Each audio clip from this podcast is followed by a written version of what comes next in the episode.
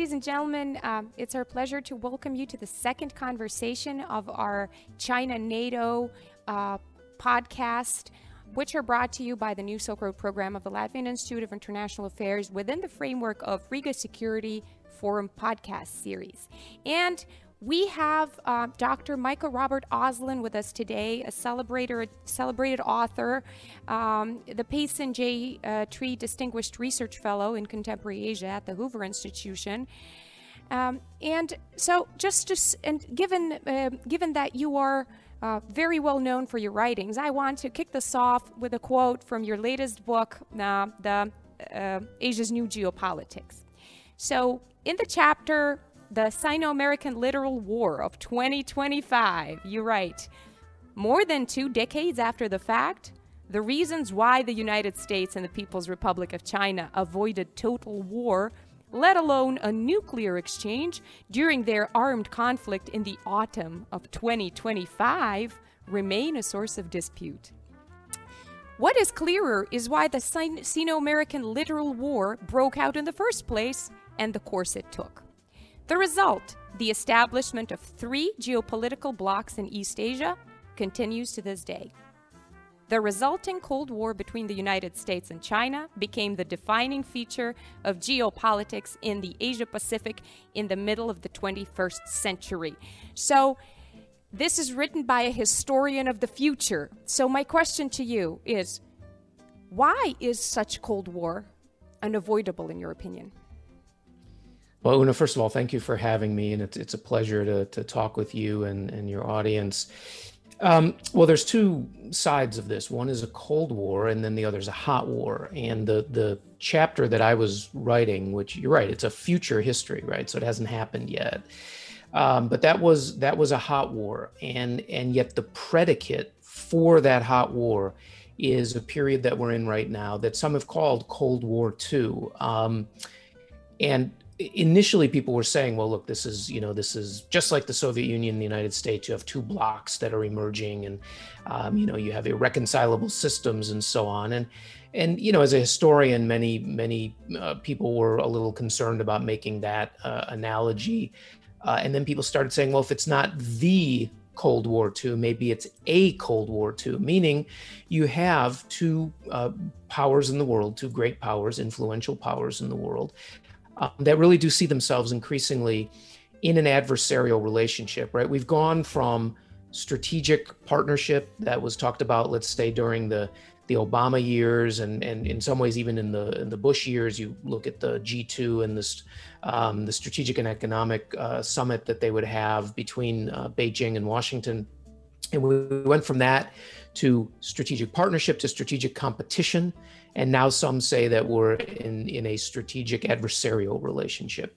I think what's clear is that the first era of US China relations, that which lasted from 1979, the, the normalization of relations between China and the US under President Carter, to about let's say 2017 let's say with the uh, um, the arrival of president trump that first era is over and that was the era where the united states had an overriding goal of incorporating the People's Republic of China into the global system, the global political system, bringing it into the UN, uh, the global economic system, bringing it into the WTO, uh, all sorts of different cooperative ventures, uh, including the exchange of students, uh, mostly Chinese students coming to the United States, uh, uh, but really normalizing in, in every sense of the word relations with China, but with the hope of two outcomes. The first outcome would be, of course, that China would become not merely an economic partner, but a partner in supporting the liberal international order that we had developed after World War II. That was the first goal.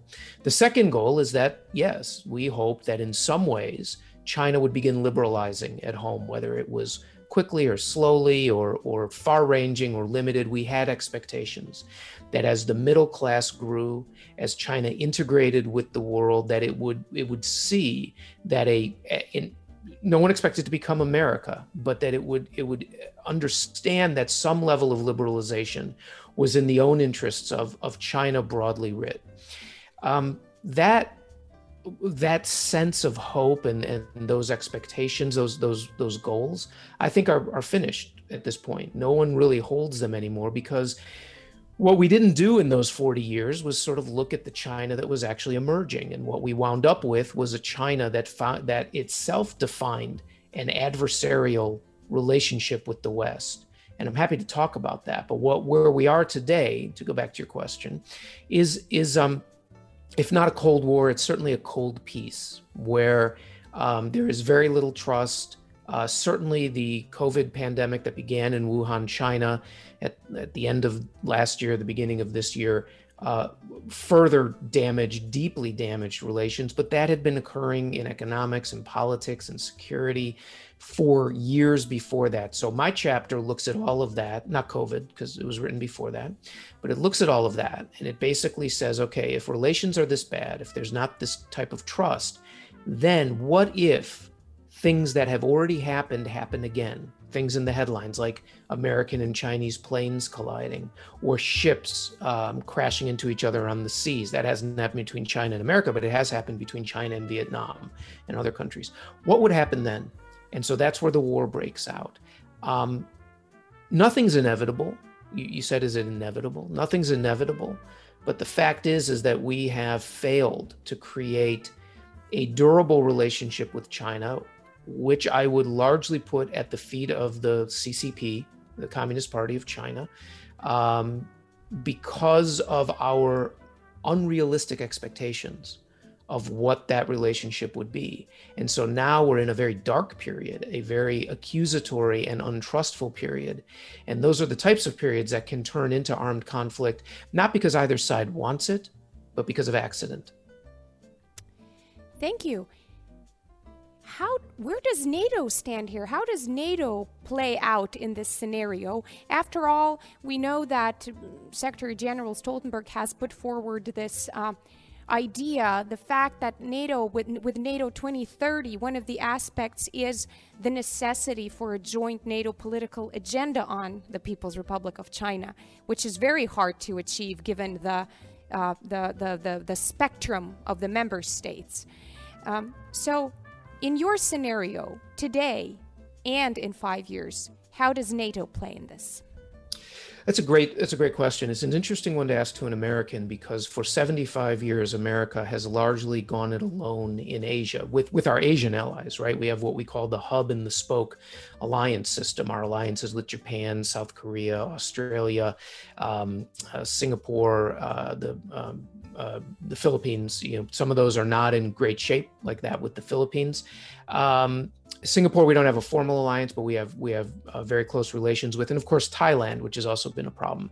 So, from an American perspective, we've always looked at our uh, our role in Asia as alone as a Western power, but with our Asian partners. Um, that's changing, and it's changing very dramatically um, for two reasons. One, the United States, I think, is more uh, open and and willing, if not eager, to welcome uh, the, the partnership and, and help, quite frankly, of its European friends, its European partners. And secondly, Asian nations are reaching out to NATO. And, and in that regard, I would specifically point out Japan, uh, which under former Prime Minister Abe, who stepped down uh, just a, a, little while ago this year, uh, Japan had had been significantly expanding its relations with NATO and coming to agreements with NATO, as well as individual European nations, particularly the British. So, from one perspective, from an American view, um, Europe has woken up to to Asia and it's woken up to the People's Republic of China. Now, it's done this, of course, in part because of trade relations, because of the importance of China for uh, the economies of Germany and France and, and Italy and Greece and the United Kingdom and the like. It's done it because uh, part of the Chinese diplomatic goal and part of the, the focus of the United Front Work Department has, of course, been developing um, uh, influence campaigns, I'll just be very blunt about it, influence campaigns and propaganda campaigns, along with other people to people and, and state to state cultural relations, but influence campaigns through Confucius Institutes, through what is called elite capture and the like, in order to have a, a bigger voice in Europe. And you saw that, for example, with aid uh, that was given with Greece, for example, joining uh, the, the One Belt and One Road, aid given to the, the Czech Republic, and then changes in EU statements about migrants, about, about uh, other issues that did not conform to what China wanted. So from one perspective, uh, Europe itself has woken up to, to uh, Asia, to, has woken up to the People's Republic in Europe.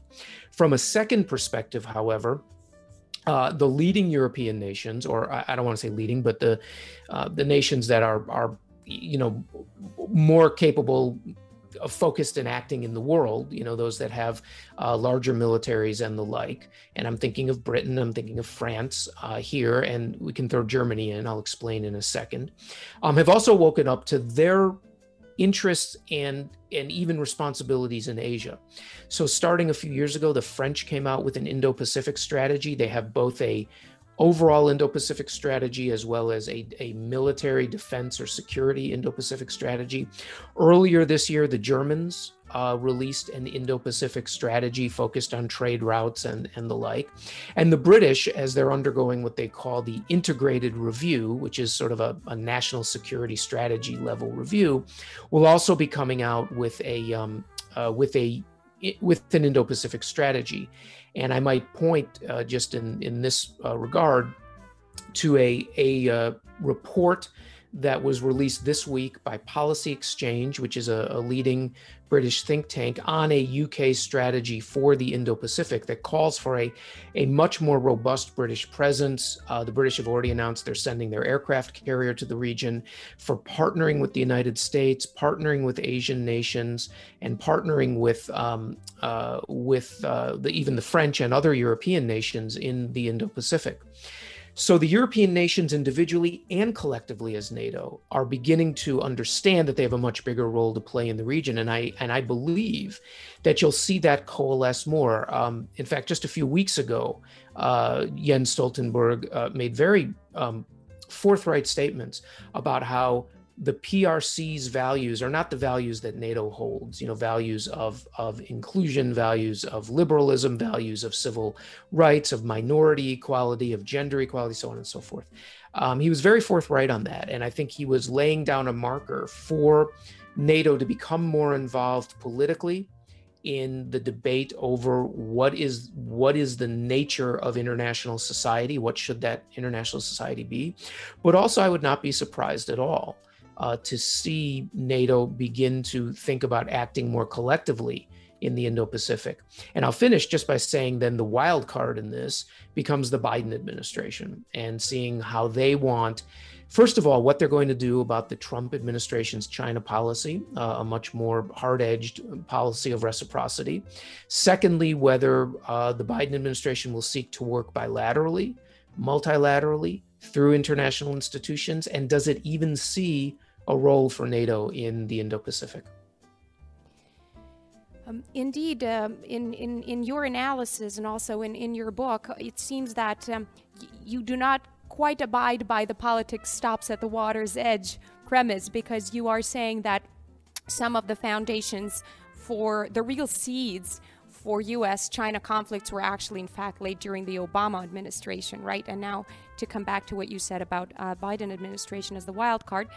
Um, so, my question here is um, as NATO, as, as, as the role of NATO expands in the region, as you just laid out, uh, NATO also feels that it is not still enough. It is not big enough to be able to face the risks.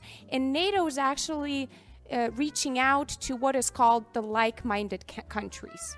So, uh, there are talks of, you know, increasing and deepening cooperation with Australia, for example, right? Uh, South Korea. So, um, what is this like-mindedness? How do we measure it? How do, and and what is your assessment of this idea of kind of a NATO network beyond the immediate member states to uh, face the rising China?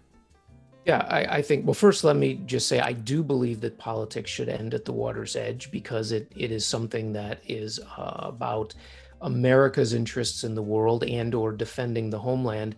And what I was saying about uh, what I write about the Obama administration and was just mentioning about the Biden administration is, well, about the Obama administration, it was, you know, that was an assessment. It, it wasn't, um, it wasn't uh, partisan in the sense of saying, um, you know, they they didn't know what they were doing. It was more an assessment that if you look objectively at at any of the measures during the Obama years, uh, the re- relations with China became worse. Uh, China became much more assertive and aggressive in the South China Sea, in cyber, uh, in influence campaigns, and the like. Uh, and by the end of you know the Obama administration, they of course had announced um, you know, much uh, harder measures in terms of building up the military, uh, and and the Chinese had been warning about war if the Obama administration continued to press them on the South China Sea. So it was more an objective statement about where things had gone, and and of course, any new administration is a wild card. Uh, you know, if, if if Trump had won a second term, I would say the big question is, does he continue this hard path, or does he begin to back down? In a Biden administration, it's really uh, and I think, by the way, for for all of our friends in Europe, they undoubtedly are aware, but they should they should be reminded. I think that everyone staffing the the Biden administration was in the Obama administration, essentially. So more or less, what we have is is a sense of of what their policies already were, and now we have to see if they might change. And that's and that's almost really what we have with NATO, as you said. How do you expand NATO beyond uh, the core membership into like-minded uh, nations? And I think it's it's really a values proposition, right? It's really looking at the. Sometimes I think we talk too much about international order as though it's a it's a sort of you know concrete existing system. What what we talk about what we're really talking about when we, we talk about international order is a set of, of ideas, of ideals, of norms of behavior, a number of, yes, of agreements that uh, nations observe to one degree or another. It's not a nation state, right? It doesn't have its own independent existence. But what it is is certainly an aspiration. And in many ways, it's an aspiration that grows out of the Atlantic Charter of 1941 that was signed between US President Franklin Roosevelt and UK Prime Minister Winston Churchill in the beginning of, of World War II in the beginning of the European War to really talk about what type of international society do we want. We want one where territorial integrity is respected and, and territorial boundaries are, are not transgressed, where people are free to move back and forth uh, across nations, where of course we hope that nations do not oppress any of the groups within their borders. All of the things that became uh, instantiated in the, in the the goals of the UN, but in terms of the European model uh, or the European experience, was really encapsulated in NATO and what NATO stood for and how the the alliance, uh, the most successful alliance in history, by the way, we have to say. Um, defended these these ideals and these goals um, both through collective military preparedness and action, but also, quite frankly, through uh, through the the ideals that it that that it expressed. Um, so now the question is, can it extend that to the to the Pacific? Uh, and I think the answer in general is is is yes. That uh, when you look at the development of Asia, of the Indo-Pacific over the past um, 75 years, um, the fact that there hasn't been a regional war or a, or a you know a sub-systemic war within Asia is in large part because of these larger international rules, the ability of the United States to work with allies, uphold freedom of navigation, maintain stability. I think NATO has an enormous role to play in that, and and they are and this role is based on this this fundamental set of assessments that what is most important is that nations cooperate, that they adopt to the extent possible liberal values uh, that that do not privilege any one group against any other group, but allow for minority equality, religious equality, gender equality, that allow for entrepreneurialism, uh, the ability to release the energies of individual people, allow them to interact across borders with levels of certainty because of legal agreements, because of freedom of navigation. All of these things come together in ways that don't benefit just Asia or don't benefit Europe, but actually benefit an integrated Eurasian re- realm as well as the larger global economy. So I think that NATO is absolutely on track for reaching out to Australia, Japan, India, South Korea, and other nations that are striving along these, these paths to create communities of interest and to discover where they can cooperate on education, on people to people exchanges, uh, on cultural protection, on environmental issues, and yes, difficult though not impossible, on security. Thank you. On the, to go back to Indo Pacific and, and this notion of economic gain that also you touched upon a little bit. I want to expand on that. When we look at the European motivation uh, within the strategic triangle of EU, US, and PRC, you would mostly be seeing economic arguments in favor of, well, not say deeper engagement with China, but rather say avoiding alienating China. So it's mostly economic arguments. Um, however, in your book, um, in your bestseller, At the End of the Asian Century, you reiterate many risks that maybe that we have. Um, in, in, sometimes we see the region through pink glasses, and the region is, is, is indeed quite shaky in a lot of ways. So, how much, in your opinion, does this economic argument really weighs is it a valid point? Yeah, I think it's it's it's very important to be realistic about the um, the problems both in in China as well as other nations in the region, the economic problems, because our our uh, our relation to these nations uh, begins largely with economics, right? It begins with trade. It expands into many other areas. And of course, in the United States, in particular, as a nation of immigrants, we have very large Asian American communities uh, that continue to grow. But the basis of relations begins begins with trade. Um, and especially for us, I, w- I would say, and then for Europe vis-a-vis Asia, because um, you know Europe being contiguously uh, connected, there's there's all sorts of different um, uh, cultural, uh, ethnic, uh, political, trade, natural relations that develop. When you talk about Europe trading with Asia or the United States trading with Asia, it's a conscious act, right? It's, it's an act of will to go that far and, and to say we're going to have relations. Um, and so we always want to look for opportunity. And I think what we did, particularly, we did it with Japan in the in the 70s and 80s, and then we did it with China in the 90s, but particularly the 2000s and 2010s, was really ignore signs that the economies that we thought they would become might not happen, meaning that there were other fractures and stresses and weaknesses within those economies. Uh, we already played this this scene, so to speak, with Japan.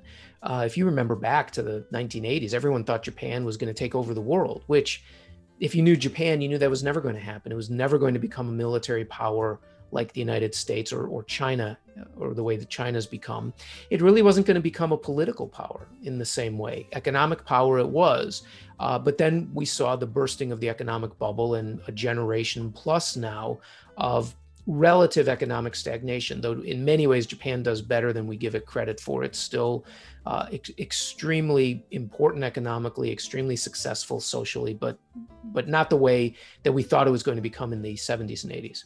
Same thing with China. Um, you know, the days of 10% plus growth, macroeconomic growth in China are over. Um, you know, GDP is is you know, and this is even without coronavirus you know was it was in the 5% and lower range and now we'll see what happens. Um, there was already a reassessment of china on the part of the world's economies because the chinese economy as it became uh, more mature was becoming less less competitive right? Labor wages were going up um, the cost of doing business in china was higher there was nowhere easy to switch to. You couldn't just say, well, we're switching to Vietnam or we're switching to Malaysia. It doesn't work that way. But many countries were reassessing their relationship with China. And that has only taken a, a super leap after the coronavirus because of concerns about, um, about supply chain security. And so you see countries like Japan paying their companies to relocate from China either back to Japan or at other places in Southeast Asia. You see the United States very clearly talking about onshoring production of vital medicines, personal protective equipment, uh, attempting to do more to uh, to develop rare earths on its own. Uh, you you even see countries like Taiwan. Uh, talking about, so for example, the former CEO of Foxconn talking about relocating Apple production from the mainland, from Shenzhen back to Taiwan or, or to Taiwan, because Foxconn, of course, is a Taiwanese company. So this reassessment had been happening because people understood that there were problems in dealing with, with China. There were legal problems, transparency problems, regulatory problems, but also larger macroeconomic problems. Um, so a reassessment is natural. Um, I think that obviously for the rest of our lives, China is going to remain extremely important economically, critical economically. But if you actually think about it from an economic perspective, we always talk about um, economic diversity, right? We always talk about having a diversified portfolio. And what happened from the 1980s onward is that we overinvested metaphorically and literally in China. Other countries weren't able to develop. Vietnam, Indonesia, Malaysia, parts of the Mekong Valley, because uh, uh India, even uh, Bangladesh, because of this over investment, this over reliance on China. So what some call decoupling, or what I would like to call strategic decoupling, meaning you you don't just say, well, we're, we're getting out of China entirely, because that's not realistic, but you look at particular uh, sectors and areas that you need to ensure supply chain uh, security with, but then you also say, where can some things be done more cheaply or better that gives more vibrancy to the overall economic region uh, rather than this over reliance on China. And I think NATO should be part of that in, in trading relations uh, of, of the individual nations. The European nation should be looking as well to say, how do we help other countries develop and develop up the value added chain so that they simply are not only suppliers of raw materials to China. I actually think that that, while disruptive in certain ways, will actually create a healthier Indo Pacific economic ecosystem and one that the European nations themselves will find different partners to work with and bring different competencies to. Um, it, it's, it's actually an exciting time, I think, to rethink economic relations between Europe w- with all its variegated economic activity between large producers and workshop producers and the like, and and Asia. And I also hope that the United States thinks along similar lines.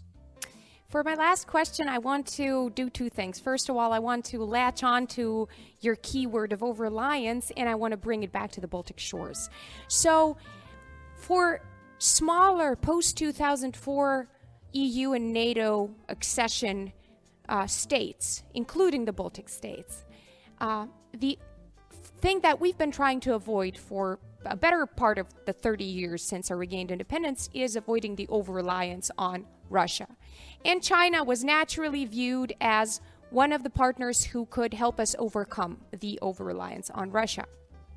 However, now since 2018, with the securitization of China and with the rising of the trends that you described, it is becoming, uh, well, the prospects are becoming increasingly bleak. So, my question to you is where does this new world order leave the little, extremely pro Euro Atlanticist countries, such as Latvia, Estonia, and Lithuania, but who nevertheless want to diversify? It's a it's a good question. It's an important question, a hard one. Let me let me start by saying one of the real um, threats to not only the international system, but in particular to the smaller states, is the growing influence and power of the illiberal authoritarian countries like Russia and the People's Republic of China. Um, no one thinks necessarily, of course, that Beijing is going to help Moscow pressure um, Latvia. Okay. But as both Russia and Beijing, with the help of, of Tehran and Iran and, and North Korea and Venezuela, other bad actors, uh, difficult actors, as those countries undermine the idea of the rule of law, the idea of cooperative relations, and so on, uh, that that they become successful at being aggressive opportunists taking advantage of, of other countries and other countries' own weaknesses or distractions, then that I think immediately and particularly hurts the smaller countries because you know that's unfortunately, just the way that history often plays out. So the the big concern I think that we should have about Visegrad countries, about uh, about our friends in the Baltics and and and in other places as well, is that as we let this system, the international system, weaken, as we allow the, the types of actions that Russia takes, that that China has taken, that Iran takes, other states take, uh, it becomes normalized that it's really a competition between might and less might, right? Might makes right. You know, mighty nations versus less mighty nations.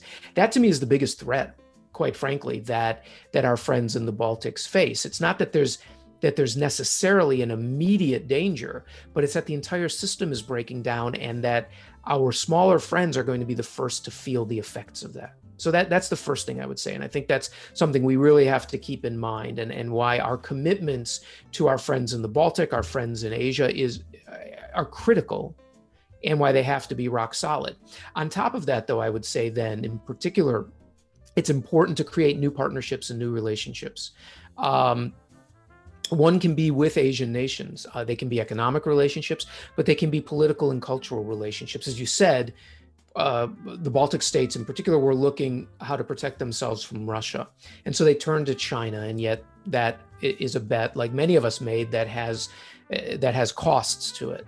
So the question is, can you begin creating uh, relationships with India, with Japan, with other leading economic states or, or, or cultural states um, uh, so that the idea uh, of being exposed is somewhat covered by uh, these new sets of relationships. That I think can create a feedback mechanism in a way so that Washington, the United States, um, London, Paris, Brussels can also see that there is a broader international community supporting our friends in the Baltics and other places. It's if the question becomes does Brussels protect Estonia against Russia? Right? That that's it's a it's the highest level geopolitical issue. If the question becomes is the unified world uh, you know of, of cooperative nations of free and independent cooperative nations partnering with our friends in the Baltics on economics, on people to people exchanges, political exchanges, and yes, some level of security cooperation outside of the NATO framework. Then does it become easier for NATO to say, well, of course, these commitments have to be rock solid because it's actually a global issue. That's that's the way I think it it needs to go. I mean, look, we live in a realist world. Um, and if Moscow decides to take certain actions, um, there's no question that it can be extraordinarily disruptive. And so, what you have to do is is reframe the question and reframe the issue into not a, a, a sort of bilateral NATO Russia or or even let's say Lithuania or Latvia Russia, but rather a global community Russia and a global community China. And so um, I, I, think that's why I'm encouraged by what Japan has been doing throughout Asia and, quite frankly, Japan's outreach to NATO. I think that, that creates new partnerships. It's why I'm encouraged that the British have, have made very clear that they want to return east of Suez, that they, they want to reopen bases or at least consider it. They certainly want um, enhanced relations with Japan, with Australia. Uh, they want to work with the United States, send their newest aircraft carrier into the region, because then it becomes a broader communal issue. We have to be realistic. It's it's not that that's suddenly going to change Moscow's all of Moscow's calculations, or that if China in Beijing decides it's going to take over the Scarborough Shoal, build and militarize uh, it as a base, or possibly even Taiwan, that they're suddenly going to stop because of what we're doing. That's not what I'm saying. What I'm saying is that to the extent possible, our actions within this larger global system need to impact, to change the calculations of Beijing, of Moscow, of Tehran, and the like. That that they need to understand that there will be uh, a global community that they face and that and that there will likely be consequences. Now again, I do think it's important what the Biden administration is going to do and the signals it sends. Right now, for better or for worse, the United States remains the most credible military power in the world, the one that is really going to um, uh, be the linchpin of any of the opposition to uh, outright uh, sundering of territorial sovereignty, meaning Moscow moving in on the Baltics, Beijing moving in on, on Taiwan. It still comes down to the United States today.